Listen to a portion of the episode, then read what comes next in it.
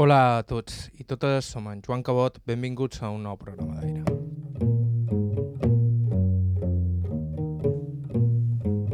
El passat maig donava la seva última classe el doctor Perfecto Cuadrado, un dels professors més carismàtics i estimats de la Facultat de Lletres de la Universitat de les Illes Balears enamorat de la llengua portuguesa i de les avantguardes durant dècades, va impartir assignatures on es mesclaven alumnes de diferents carreres amb l'excusa d'analitzar l'estètica contemporània, però en el fons es tractava de despertar la curiositat per la cultura i de quina manera aquesta dialoga amb el món.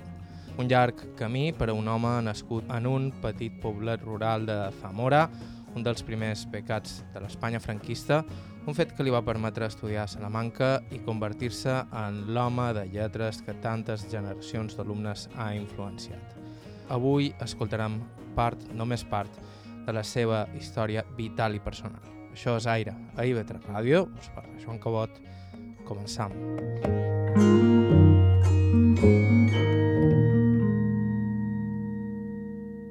I ho fem amb les presentacions. Aquestes Perfecto Cuadrado Fernández. Jo vaig néixer el dia 1 de desembre de 1949 a un poble de Zamora que se diu Santovenia del Esla, a prop del riu Esla. Vaig néixer allà. Mon pare era pagès i mon mare ajudava. No, no. De manera que jo també, doncs, eh, fins fins als 19 anys o així, o als 18, doncs vaig fer feina en el camp. Quan vaig començar a estudiar, doncs, a, a, lo, a lo que altres li deien vacances, jo havia d'anar a fer feina al meu poble. No? Era un poble rural, però de totes maneres, en aquell moment, jo, quan jo vaig néixer, que va ser quan vàrem arribar al cim de, la, de, la, de població, als 2.000 habitants, era un poble que tenia tots els serveis que pots imaginar, o sigui, teníem òbviament eh, metge, teníem eh, apotecari, teníem fuster, teníem eh, dues panaderies, teníem no sé, eh, molins, teníem de tot, de tot. Eh, i, I a partir d'aquell moment eh, la cosa va començar a canviar i sobretot els darrers anys dels, dels 60 66 o 70 va començar a descendre la població per, per molt de la migració, de manera que en 4 anys o 5 ens van quedar de 2.000 habitants en 380 o així, i a més a més, eh, el pitjor de tot, amb una mitjana d'edat molt alta, molt elevada, de manera que pràcticament no van quedar ja nins ni, ni, ni per tant se va poder restablir una mica la, la població d'allà. Mon pare era una persona molt treballadora, òbviament, com, com no havia de ser-ho, i al mateix temps també molt, molt divertida i molt de, de la broma, com dèiem, però, i molt sociable, per entendre-nos, no? Mo mare era més de, de casa, més de, de, de allà, a banda que clar, tenia sis fills i, i tot això pues, eh, significava dedicar-los un, un temps que juntament amb el temps de, de, de, fin, de, de, de menjar, d'ajudar un pare, etc. doncs bueno, feia que tots estiguessin molt, molt, molt ocupats, no? però ma mare era molt més tranquil·la, eh, molt més, en fi, dolça, per dir-ho d'alguna manera, no? I ma, ma mare va tenir un somni tota la seva vida que no va poder complir, que era ser mestre d'escola. Però, malauradament, als 10 anys va haver de deixar d'estudiar de, eh, per una raó que té que veure amb una experiència meva i amb un trauma infantil meu, que és la por de les tempestes. Perquè ma mare mm, va néixer a Zamora, però eh, ella eh, se'n va anar amb, amb la meva àvia a Galícia, perquè eh, el meu avi, que, mai, que no vaig conèixer, no vaig conèixer cap dels avis, el meu avi León se'n va anar de carter a un, a un poblet molt a prop de la Lin, una, eh, parròquia d'aquelles petitones i va tenir allà una de les filles, de manera que eren quatre germanes eh, i la més gran era la meva mare i un dia doncs, eh, estava allà, encara amb una, una tempesta terrible estava llegint una carta amb aquells llums que havia allà i va caure un raig i va matar davant de mm, la meva àvia i les quatre germanes. La meva àvia llavors pues, bueno, va tornar al poblet de Zamora, a Santovènia, amb les quatre filles, que una ja dic que havia nascut a, havia nascut a Galícia, i, i ma mare pues, va, va haver de començar a fer feina també ajudant el camp, i per tant no va poder. I jo sempre me'n recordaré d'aquest somni de, de, de, de, de ma mare, no? Eh, I era una persona que llegia, una persona com un pare, també, perquè en el meu poble no, no hi havia alfabets, en principi, no hi havia alfabets. És, és cert que tampoc llegien habitualment, no? però, però hi havia una cosa molt important, molt important i que crec que avui no se, no se trobaria fàcilment, no, se, no es troba fàcilment, que és una passió per la, una admiració per la cultura. Jo me'n recordo encara quan anaven a cercar uh, la llet, anava una senyora que tenia vaques i anaven tots allà, amb un pot, pum, pum, pum. I sempre hi havia, jo era l'únic, l'únic uh, lot que havia allà, i després hi havia sis o set senyores, hi havia un diari, i eh, mentre munyien les vaques deien, mira, mira, aquí ve en Perfe, que llegeix, que llegeix, que llegeix, que no era, és una meravella, ja veureu, veureu, I tot ràpid, tot. I m'obligaven a llegir part del diari fins que arribaven, però amb una admiració absoluta, no? I per això quan vaig arribar a tenir una beca, vaig sortir del poble, ma mare plorant, però me deia, fill meu, mm, Sten fa, treballa molt, treballa molt, no per ser més ric, sinó per ser més home.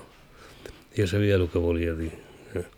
perfectament, és a dir, perquè quan te trobis amb un senyor d'aquestes forces vives, no? puguis mir mirar-li directament als ulls.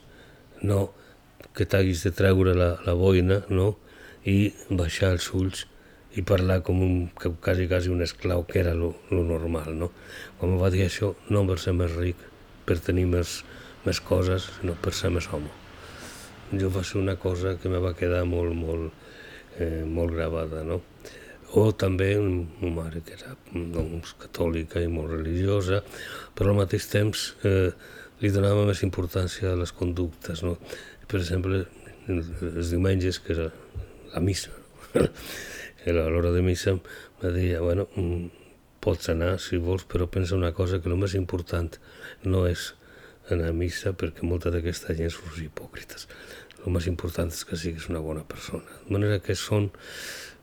Això va fer part fonamental de la meva educació, el que s'entén per educació, perquè el que li diuen educació, Ministeri d'Educació, etc., és eh, formació o instrucció, eh, que, fa, que fa part de l'educació, però que no és tota l'educació. Pensa que en el meu poble n'hi havia quatre escoles, 2.000 habitants, i n'hi havia quatre escoles, dues de dones i, i dos masculines, plenes, o sigui que...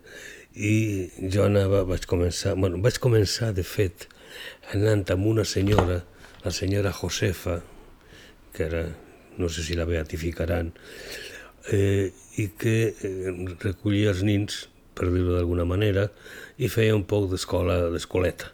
Era una espècie d'escoleta no oficial, no, no existia això, òbviament, però aquesta senyora, la senyora Josefa, tots ens va ensenyar les primeres lletres i tot això, no?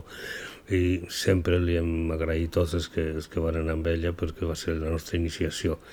A partir d'aquí vaig començar doncs, el que era ja l'ensenyament a les escoles oficials, eh, n'hi havia dos, dos mestres, un pels més petits i un altre pels que ja anaven dels 10 als 14 anys o al final de l'escolarització obligatòria. El primer eh, li deia Escabetxe, com per molt nom, i és una persona molt sèria, sempre amb un traje molt, molt, fin, molt planxat, molt perquè vell, no? però bueno, molt digne, molt digne. I eh, ja l'altre era eh, eh, don Mariano, que anava amb un capote, eh, Ciber, amb un capote de la divisió azul, eh, i que i òbviament amb el que avui se diu un tàper, i llavors li dèiem una fiambrera, no? I, i bé, eh, jo me record perfectament quan... Bueno, teníem per estudiar l'enciclopèdia de grado elemental i grado medio, mm, ho recordo perfectament, que ens agradava molt, a mi m'entusiasmava perquè a més hi havia molta cosa de literatura i sobretot hi havia molt de santos, nosaltres dèiem santos a les il·lustracions, de manera que un llibre amb santos ja era una cosa estupenda. I, um, i anàvem, en Ciber, clar, era una cosa extraordinària, perquè jo anava vestit de Marcelino Panivino, amb un jersei que ma mare me va fer, tot, tot ho feia ma mare, no? I eh, duia també aquí, al costat, un petit sac amb una tassó de plàstic, un poc de sucre, i una cullera per la, la llet americana. Que, perquè hi havia també mantega, però aquesta se la quedaven les forces vives. Jo només una vegada la vaig poder tastar i m'agradava moltíssim amb sucre, però no me recordo un color groc, molt, molt, molt groguenc, però la llet sí mos arribava. Llavors a les 11 el mestre parava la, les classes i anàvem a la font fora de, de l'escola amb un perol d'aquells de, de la mili quasi, no? L'omplíem d'aigua i fotíem el, la llet en pols americana i després pues, ja duíem tot. I a banda d'això, en l'hivern també, com fotia un fred extraordinari, eh, anàvem amb una llauna de sardines, perquè clar, les sardines se venien d'una en una, no, no, no havia llaunes d'aquestes petites d'ara, eren de 5 quilos o de 10 quilos, i llavors demanaven a la senyora de la tenda que ens reservés una quan s'acabassin les sardines. I amb això les omplien de brases i anàvem a escola amb la llauna de sardines, pegant, fent voltes perquè no, no, no s'apagassin les, les, les brases i quan arribàvem a escola ho posaven així, sota els peus, i era la nostra calefacció. De manera que era una cosa així. També hi havia coses extraordinàries allà, per exemple, una cosa que podríem dir que era una aurora boreal, no sé, jo el que sé és que a mitjanit o, o alguna la matinada van començar a, sentir crits per, per, carrers, tot amb, amb un susto extraordinari, va sortir el capellà allà i poca, que quasi, quasi comença a parlar de l'apocalipsi i després un dels mestres, el Mariano, ens va explicar que això era una aurora boreal, mai, mai potser tornat a veure una cosa així, també el mateix mestre, doncs, per exemple, una vegada va haver un eclipse, va cercar vidres així, no? fumats, i ens va explicar tot, vull dir que i hi havia un respecte, òbviament, pels, pels mestres, un extraordinari respecte, eh, tal manera que jo me record quan don Mariano se'n va anar, que se'n va anar a un poble de Sevilla, a dos hermanes, i nosaltres, quan, quan passava a tots els pobles, l'estació d'estren quedava a, a un quilòmetre i mig de, del poble, no? I do, tot el poble, velletes i tot, anàrem a acompanyar a don Mariano i a la seva família, que anaven carregats de, de maletes i tal, l'acompanyaren fins a l'estació, de manera que tot això s'ha quedat, òbviament, en la meva memòria intel·lectual i sentimental d'una manera molt marcada. Quan vas començar a llegir o apassionar-te per els llibres? Perquè per molt, la lectura molt jove. Molt, no? molt, molt, molt pres, molt pres. Fins i tot a casa meva un, un pare rebia el diari i eh, jo me record, és un, un diari que encara se manté a Zamora, que va canviar de nom, Imperio, el Correo de Zamora, el Correo Imperio, eh, ara se diu l'opinió de Zamora. I jo me recordo que aquest diari eh, encara seguia la tradició de les anomenades en castellà novel·les por entregas, això que en francès se diu feuilleton, és a dir, que una novel·la que cada dia hi havia dues pàgines, no? per tant, mitja pàgina de, del diari eh, i després dividida en dues parts, i era... I jo jo amb una, això ho anava retallant i llegint i col·leccionant en una, en una caixa de sabates i me'n record que vaig llegir eh, totes no, novel·les, quasi totes de, de, de romanos, com dèiem nosaltres, no? com per les pel·lícules, no? Fabiola, Cuobadis, o, tot això, eh, eh, i jo tenia quatre o cinc caixes de sabates plenes de, de, i jo llegia, llegia això que és una manera de llegir i una manera fins i tot d'escriure, perquè clar, aquest tipus de lectura condiciona, és com les sitcoms, les, les comèdies de la televisió, no? que has d'acabar d'una certa manera, creant expectatives perquè l'endemà tornis, i això, pues, l'estructura de la novel·la de vegades canvia una mica. Després es publicava en el llibre, però abans, doncs jo encara, jo encara vaig viure això, com vaig viure altres coses, perquè a banda d'això, jo som fill fonamentalment de la tradició oral la tradició oral. Eh, per una banda, eh, la meva àvia Lucinda, aquesta que va anar a Galícia, va tornar, Lucinda contava unes històries fantàstiques i els veïnats, les veïnes sobretot se, se reunien amb ella eh, a sa porta, per l'estiu, eh, a la solana, que es deia, o a l'interior, a la lumbre, és a dir, a la llar, perquè vivíem així, no havia llum, jo vaig néixer sense llum elèctrica encara pràcticament, i puc garantir que aquestes, eh, aquestes eh, tertúlies, per dir-ho així, aquestes narracions orals, va ser el més meravellós que jo mai de la meva vida vaig sentir. És una tradició que, per exemple, és molt important a altres, altres llocs. Eh, per exemple, la zona alta del Lleó, la zona de Bàvia i la Ciana, que clar, neva cada any mm, dos metres, per tant queden aïllats els, els pobles allà, i llavors, mm, com que no hi ha feines ni res, o, normalment ja a la tard eh, feien unes reunions a la casa de qualcú i convidaven un contacontes. Eh? Eh, aquestes reunions tenien un nom, que era filandón, eh, probablement de, de, filar de, de, de les dones que s'entre... Però era el filandón. I clar, havia gent que contava històries, contes meravellosament bé, i era, quan era convidat tothom anava a, a aquesta casa. Allà se van educar molts escriptors, per exemple, de l'anomenada escola narrativa de, de Lleó. Estic pensant sobretot en algú que ha vingut moltes vegades, que hem convidat, que és de la família quasi, que és Luis Mateo Díez, quan va escriure Tierra de Bàvia, que va començar per ser un llibre etnogràfic i va acabar per ser una novel·la amb un territori purament literari i narratiu. Però, d'alguna manera, pues, això eren també les reunions en el meu poble. Per altra banda, i també eh, referint-me a aquesta tradició oral, pensa que eh, jo encara vaig veure, per exemple, els secs gallecs que passaven eh, cantant romansos i després ens venien una fulla d'aquelles eh, de, de, de colors, no? amb, amb, amb romansos terribles també, perquè era el que més atraïa a la gent, no? I, fins una vegada amb un lazarillo que, que apuntava aquell, aquells cartells de ser que són com els gois, no? o com les cantigues de Santa Maria medievals, i, i bueno, jo vaig, vaig, vaig veure això entre mm, moltes altres coses, de, de fet. Eh, per tant, jo som, som fill d'aquesta cultura, cultura oral, com tants i tants, de, sobretot d'aquella zona de, de Lleó, Galícia, eh, estic pensant en eh, escriptors que hem conegut, aquí Torrente Ballester, que a més a més amb un llenatge de campus, el Ballester, o Camilo Cela.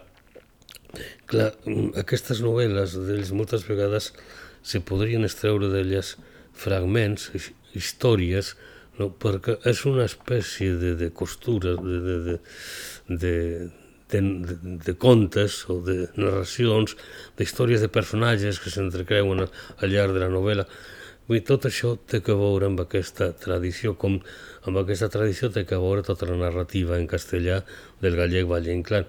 És a dir, eh, tot això, tot això doncs a mi me va marcar, marcar moltíssim, no? De manera que jo som fill de la tradició oral. El meu mestre catedràtic de gallec i portuguès de Barcelona, era, va morir fa uns anys, pocs, Basili Losada, un altre fill de la tradició, era un contador d'històries d'aquells que podies passar-te hores a sentir-lo. I tant ell com jo dèiem que eren germans en una cosa, és que havien nascut tots dos al segle XII. I la gent se'n riu, se'n riu un poc, no? I, dic, no, és a dir, puc garantir que en un 80, més d'un 80%, allò continua sent exactament el segle XII, alerta, el que no venia dels romans, clar, eines, feines que venien dels romans, i no, però la resta venia de l'edat mitjana, i vivíem així. Per tant, no mos veiem, passàvem tot el dia fent feina, de sol a sol, i mos veiem el, el, el, el diumenge. Mos veiem a missa, tots, tots vestits, eh, de l'ample, tots allà ben vestits de diumenge, que dèiem nosaltres. Era un espai religiós, era un espai de cult catòlic, però era un espai de sociabilitat. No n'hi havia d'altre. Aquell i després de missa el bar. I allà era un lloc on bons eh, s'acordaven matrimonis, eh, negocis eh, i tal. I després pujàvem al bar i allà s'acabaven de tancar negocis, casaments i tot, però era un espai d'això, de convivència, perquè és que no, ja dic, no havia d'altre, llevat de les feines col·lectives eh, que fèiem o aquelles feines en què, que ens implicaven a tots, jo que sé, si hi havia un foc, si hi havia un, inundacions, si hi havia alguna cosa així, clar, immediatament les campanes, nosaltres vivíem sempre el, el toc de campanes, i ja sabíem què és el que havia i tot és poble automàticament. O, per exemple, una cosa també d'origen medieval, que era exactament, ahir te parlava d'això, feines col·lectives, n'hi havia una molt, molt, molt bonica, que era el que deia facendera, de fazer en, en portuguès, no fer, la facendera, tocaven les campanes a facendera i eh, abans de començar les feines d'hivern o les feines d'estiu, sempre hi havia una, una setmana de facendera, és a dir, de feines obligatòries per al poble, gratuïtes, per tots els, els homes de 16 a 60 anys. Llavors, el Valde mos distribuïa les, les feines. Tu, vosaltres, aneu per picadís, per el que nosaltres dèiem xinaco, al riu. Vosaltres, a, per fusta també, a tallar arbres, a, allà. Vosaltres, aquí, a, a la teulada, i, i tal i repartien les, les, les feines. Clar, aquestes, i sobretot arreglàvem els camins per les feines de, tant d'hivern com, de, com de, de l'estiu. Això implicava també un, un sentit de col·lectivitat, de, de, de pertànyer realment a alguna més que un, que un, no sé, que el que seria un nucli urbà, que se diu ara, o un nucli rural habitat. Això era una col·lectivitat, un, un, un poble en el sentit i clar, això també jo, és una de les coses que he trobat a faltar. Era Perfecto Cuadrado, professor emèrit de la Universitat de les Illes Balears, a qui escoltàvem parlar de la seva infància al seu poble natal de Zamora. En poc temps, però, estaven a punt de succeir una sèrie de fets imprevisibles que el convertirien en professor. En uns segons ens ho explica. Estau escoltant Aire i Vetre Ràdio, us parla Joan Cabot, fem una breu pausa i continuem.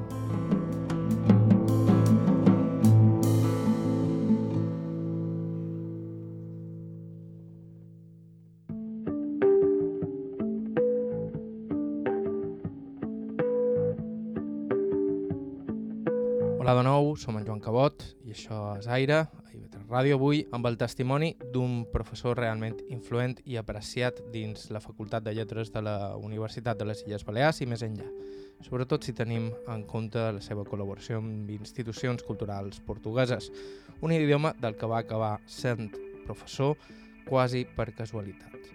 Com per atzar, va ser que un al·lot nascut a la Zamora rural va acabar becat per anar a estudiar a Salamanca. Un fill de pagès com jo al principi, eh, saps que sabíem que teníem un, per dir-ho així, un destí bastant marcat, o sigui, normalment tu continuaves les feines del camp i, i, i eres pagès també, o si no, pues, emigraves, però quan jo era petit encara l'emigració era una cosa en la per la meva terra encara estranya, no? No, no era molt, molt freqüent, havia qualcú Una altra alternativa era entrar a la Guàrdia Civil o la Policia Armada, les forces de seguretat, i després ja quan feia família, qualcú, però raríssim, eh, se quedava de, de, de xusquero, com deien, no?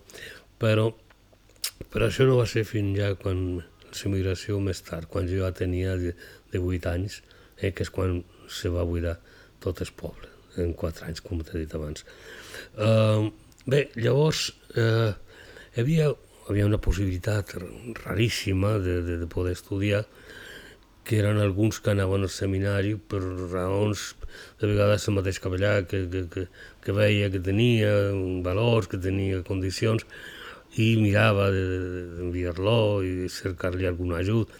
Però l'única, si no, l'única altra alternativa era que de tant en tant algunes ordres religioses feien leves eh, pels pobles eh, i llavors era quan cridaven els capellars, les forces vives, els mestres, tot això, teniu qualque alumne ahí que destaqui una mica i tal, i llavors anava. De manera que jo, con, amb 9 anys, eh, jo, cap al mes de, de maig o així, va anar un d'aquests eh, d'aquests frares de, de, dels agustinos de l'Escorial i va demanar a veure qui hi havia en el poble, que destaqués un poc, i li van dir, ah, perfecto, som jo. en perfecto, mm, podria ser, i me va fer una entrevista, llavors me va seleccionar per anar el mes d'octubre a començar a estudiar eh, amb els agustinos de l'Escorial.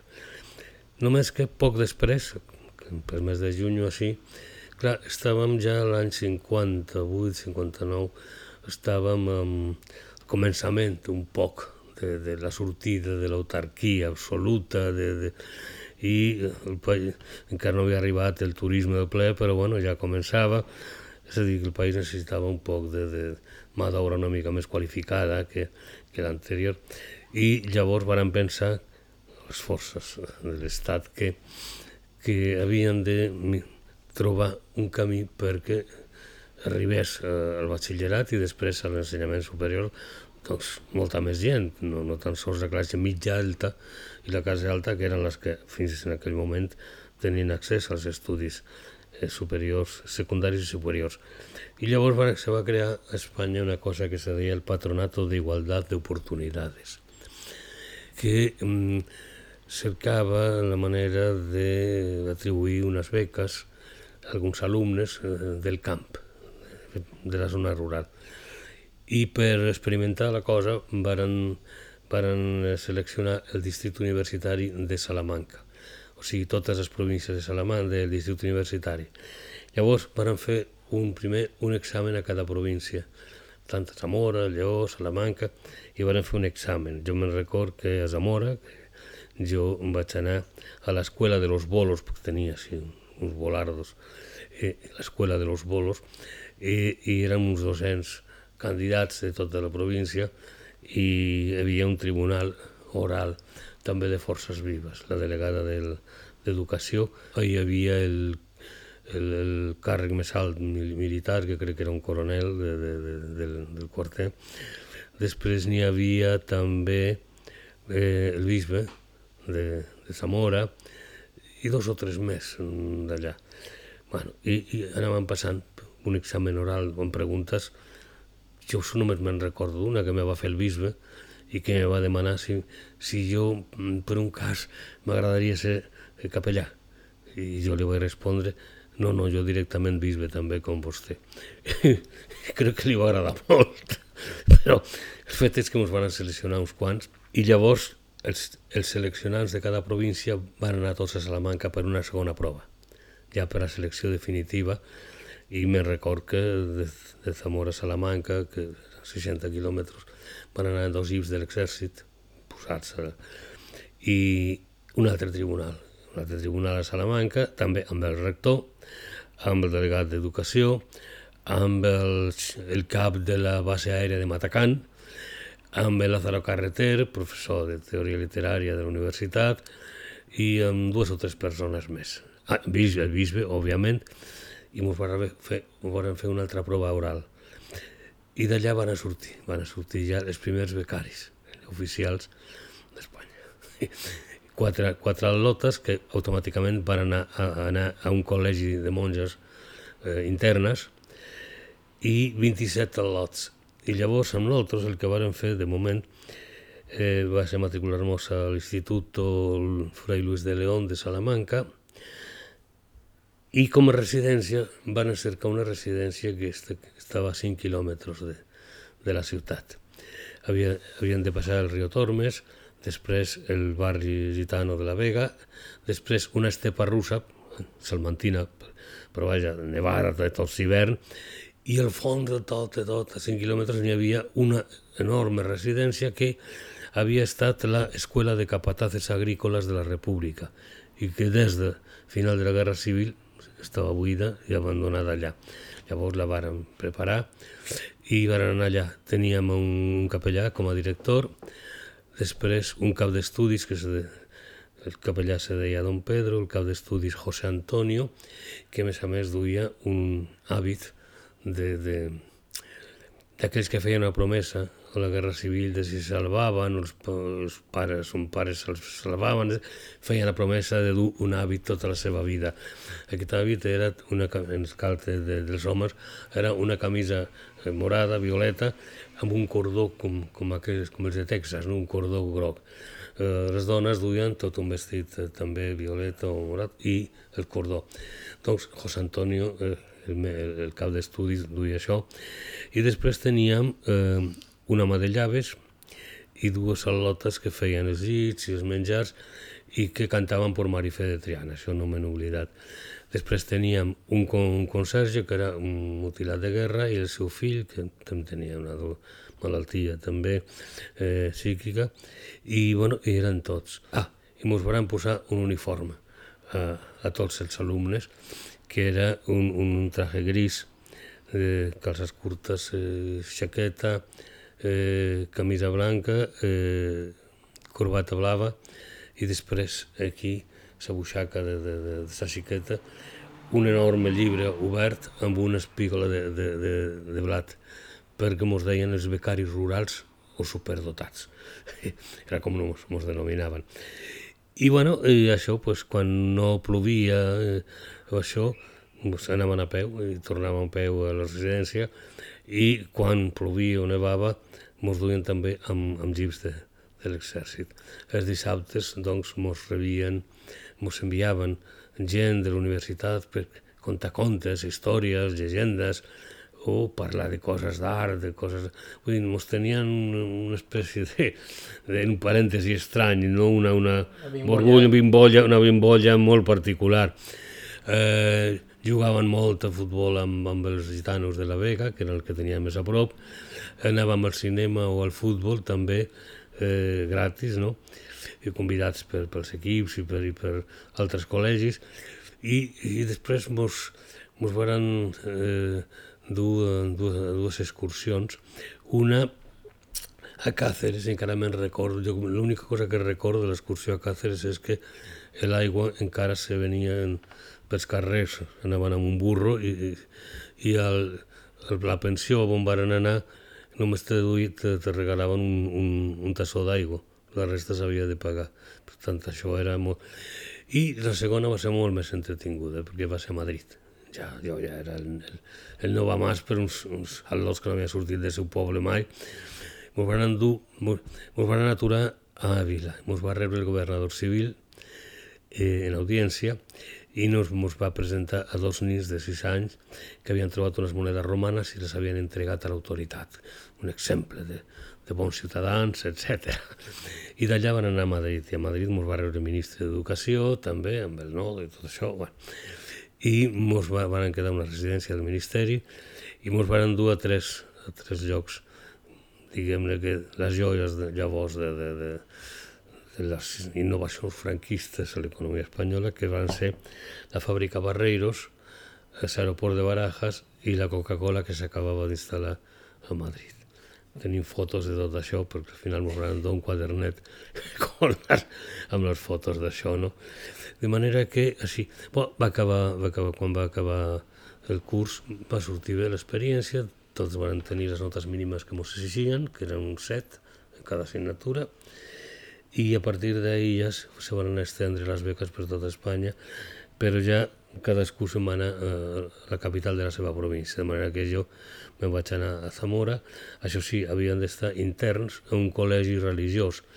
Clar, a les altres ciutats importants, Lleó, Valladolid, eh, Salamanca, hi havia col·legis com els salesianos, els maristes, els jesuïtes, en fi, els més coneguts en l'educació, els més respectats, a Zamora i o Badajoz, les ciutats petites, i pues s'instal·laven només els claretianos, els, els, els fills del, del, del cor de Maria, que eren molt més tradicionals, molt més així, no?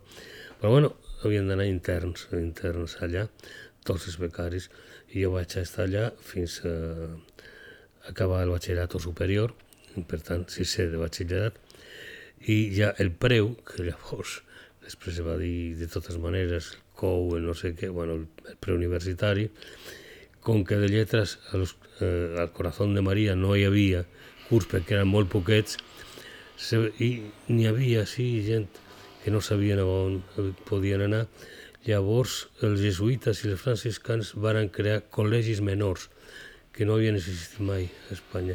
Existien els col·legis majors, particularment des del segle XIII, el, segle de el, el Col·legi Major de Sant Bartolomé de Salamanca, que es va crear quan se va crear la pròpia la mateixa Universitat de Salamanca.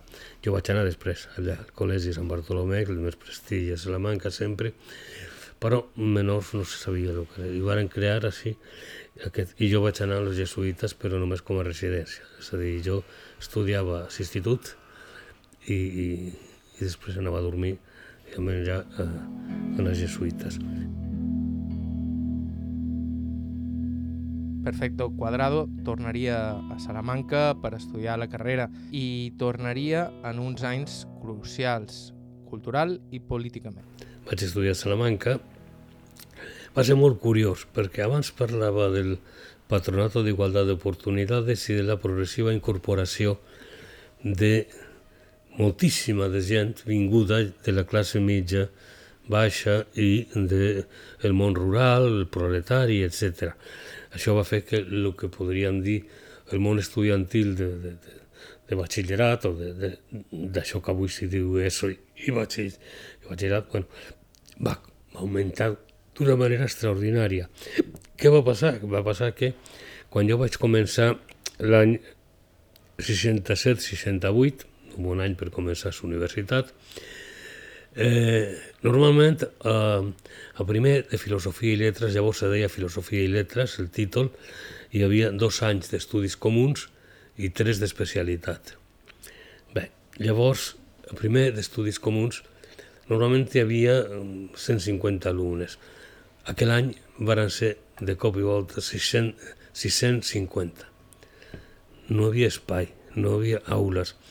Llavors varen inventar un espai al, patio d'escoles menores on va començar la universitat, que és una espècie de pati així d'Oxford, no? molt, molt preciós, que avui hi un museu i no sé què més, del segle XIV, eh, i amb una sala que avui és un museu, però que, que havia més 600. Però clar, això tot d'una va obligar primer a, a cercar espais nous per l'any següent, segon a cercar professors, i és com van aparèixer els penenes, professors no numeraris. Eh? Necessitaven llavors els pobres professors que estaven començant a fer la tesi doctoral, que tenien 8 o 10 anys per fer la tesi, feliços, allà investigant, pumba, es van posar a fer classe a tots, tremolant, perquè els pobrets, clar, Llavors, clar, jo vaig assistir a tota aquesta transformació absoluta, i, eh, però al mateix temps encara vaig tenir els grans professors de la Universitat de Salamanca de Lletres. El professor Cabo de Geografia, el professor eh, Díaz de Llatí, el professor Rui Pérez de Grec, el professor Lázaro Carreter de Teoria de la Literatura, el professor Miguel Artola d'Història, per exemple, vull dir, els grans que quan jo feia tercer, quart, se'n van anar tots a Madrid directament, no? Per altra banda, clar, vaig entrar 67-68 i tenim a maig del 68 enmig. I jo, clar, del 60, 650 s'havien de triar representants de curs i eh, érem 10 representants de curs i jo me'n record perfectament i bueno, pues, van també de cop i volta ens van trobar uns pobrets que venien de, de, d'un poble de, de, perdut, de Zamora o de Salamanca, o que havien estat interns a un col·legi religiós tradicional i tal.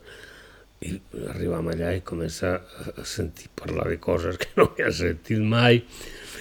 Va ser un moment també, fins i tot, eh, pels de letres o pels lectors també com jo, va ser el moment del boom llatinoamericà, va ser també el moment del boom del llibre de butxaca, perquè fins llavors només hi havia la col·lecció Austral i la col·lecció Reno, i s'havia acabat, i va començar Aliança Editorial, i va començar Ciència Nueva, llegada del Partit Comunista, vull dir, i se va començar a multiplicar aquest...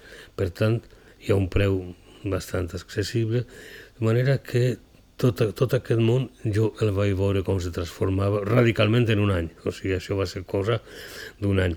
Però bueno, eh, com he dit, el de maig del, del 68, l'època de la conscienciació, eh, a través dels textos literaris nous, d'aquesta renovació, en la que aquells professors que teníem, magistrals, doncs eh, contribuïen també, perquè tenien professors, alguns eren, havien republicans, i la Universitat de Salamanca els va acollir i els hi va crear càtedres per a ells, de lingüística romànica pensado, per exemple, o encara més directament d'esquerres i republicà Coldo Michelena, que després va ser el fundador de l'Euskal Zaindia, de l'Acadèmia eh, Basca i del el creador del Euskera Batua.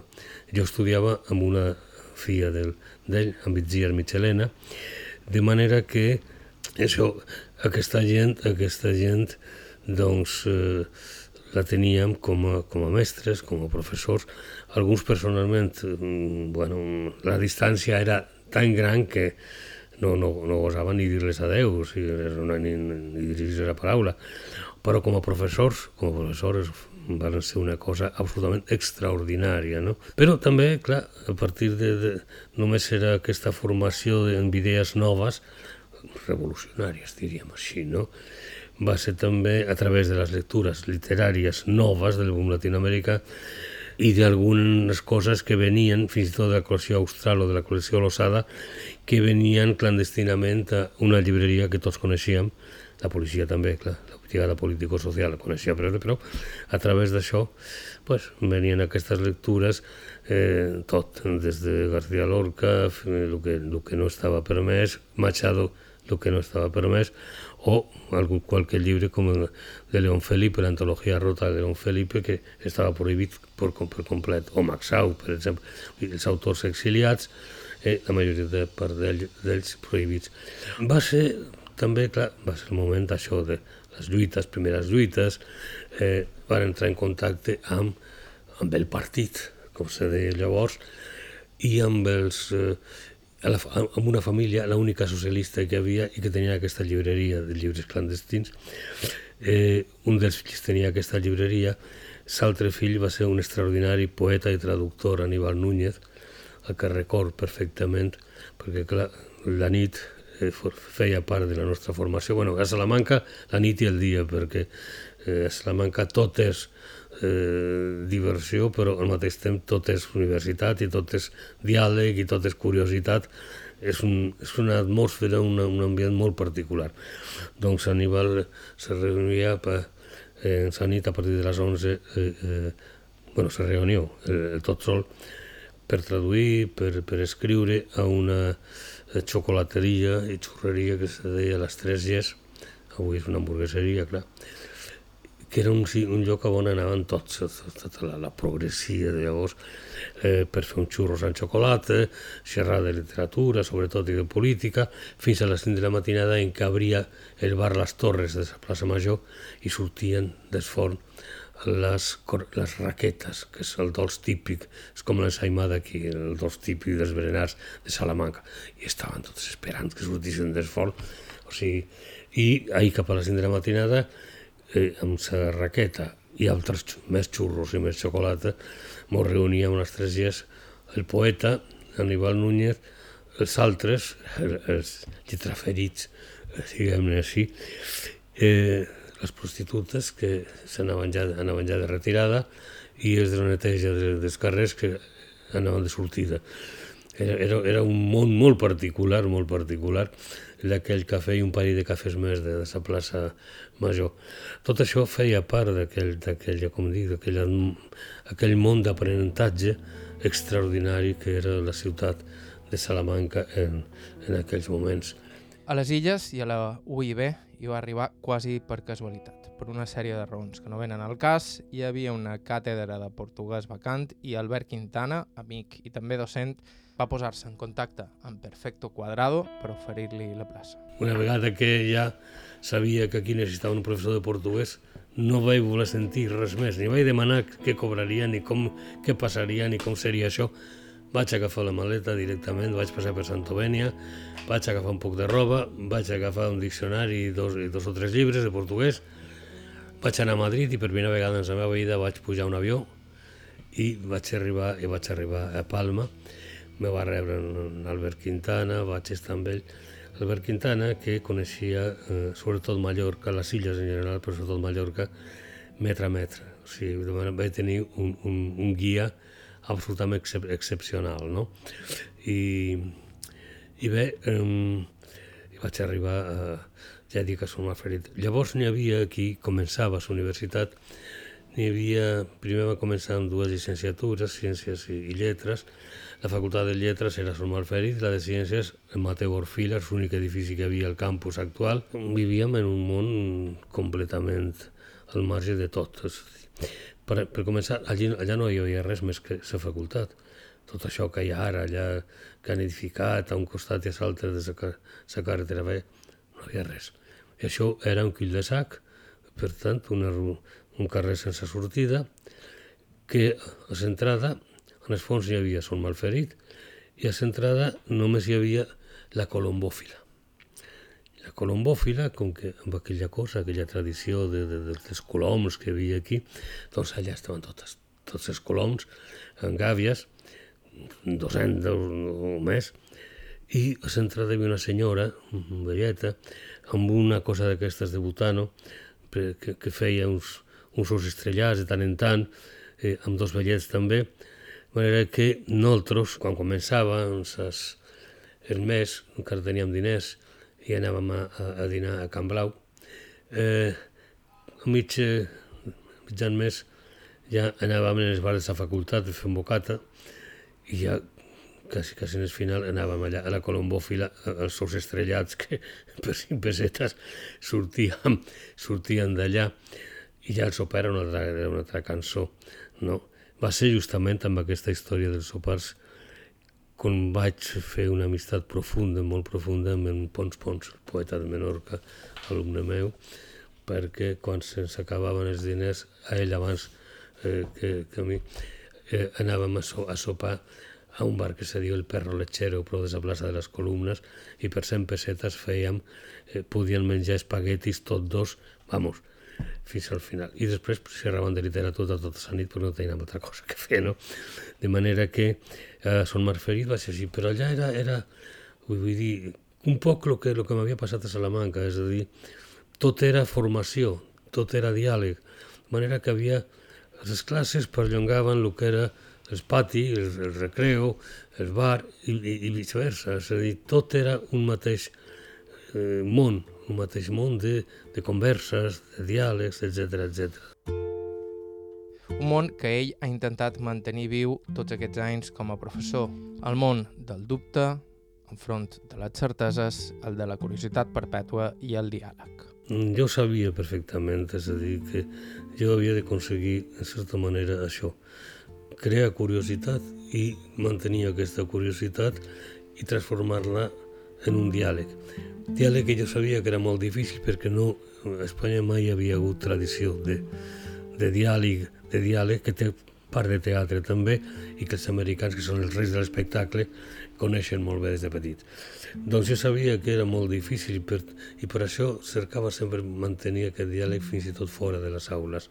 Per tant, el bar, la ciutat, eren llocs també per jo de contacte, de reunions i tal. Jo sempre volia, a més sempre ho deia, bueno, jo no venc aquí a, a sembrar eh, certeses, a sembrar veritats absolutes i eternes. No, jo venc aquí, tot el contrari, a sembrar dubtes, preocupacions, preguntes i interrogacions.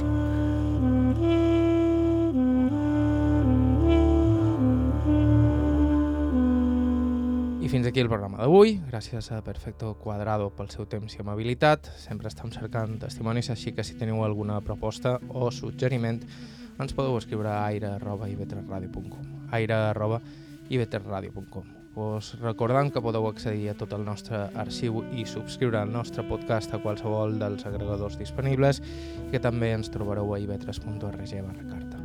La música que feim servir habitualment és de Joshua Abrams, Marisa Anderson en Jim White, Oren Ambarchi, en Johan Bertling i Andreas Ferlin i Charles Rumbach. Bàrbara Ferrer, a la producció executiva, us ha parlat Joan Cabot. Gràcies per ser a l'altre costat i fins la setmana que ve.